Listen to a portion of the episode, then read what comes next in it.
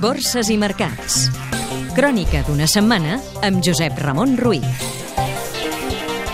La segona setmana de juny també s'ha tancat amb pèrdues a les borses. Els inversors han optat per vendre davant dels temors sobre el creixement de l'economia global després que el Banc Mundial ha revisat a la baixa les seves previsions i també pels dubtes sobre els plans d'estímul dels bancs centrals després de la decisió del Banc del Japó de mantenir sense canvis la seva política monetària sense anunciar noves mesures d'impuls a l'economia.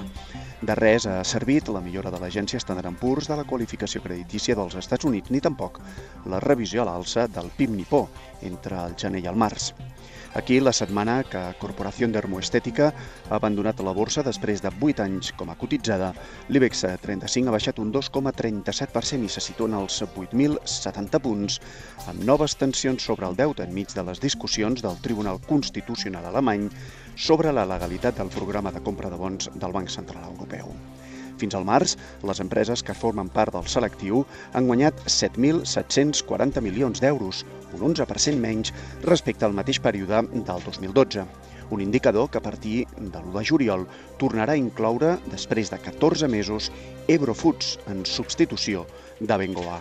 Des de l'1 de gener, la borsa espanyola acumula ja uns números vermells d'un 1,18%. Cotitzades catalanes. CaixaBank. Recompra tres emissions de cèdules hipotecàries per 375 milions d'euros. Renta Corporació. La immobiliària, que ha tancat el procés de reestructuració de la plantilla, ha presentat sol·licitud a concurs voluntari de creditors per a tres filials estrangeres. Aircross. Ha començat a cotitzar les noves accions de la química fruit de la tercera ampliació de capital en el marc de l'acord amb Global Dutch. Casa. El regulador del mercat de valors ha autoritzat l'OPA d'Agbar sobre aigües de Sabadell. La primera pagarà un màxim de 25 milions d'euros per fer-se amb el 80% del capital de la segona. Cementos Molins. La cimentera ha comprat a la mexicana Cemex per 40 milions d'euros la planta de l'antiga Sanson de Sant Feliu de Llobregat. L'euro.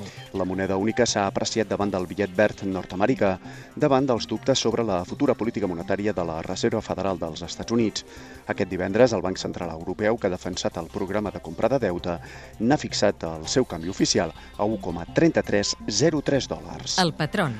El futur del barril de Brent, el de referència a Europa, s'ha encarit fins als 104 dòlars de mitjana la setmana que l'OPEP, l'Organització de Països Productors i Exportadors de Petroli, ha rebaixat lleument la seva previsió de creixement de la demanda mundial de cru per aquest any. Vocabulari financer. Què són els beneficis empresarials? Es tracta dels guanys que registra una empresa en el seu compte de resultats en un període determinat. Cal diferenciar entre el benefici brut, net, extraordinari o d'explotació per conèixer la realitat comptable de la companyia.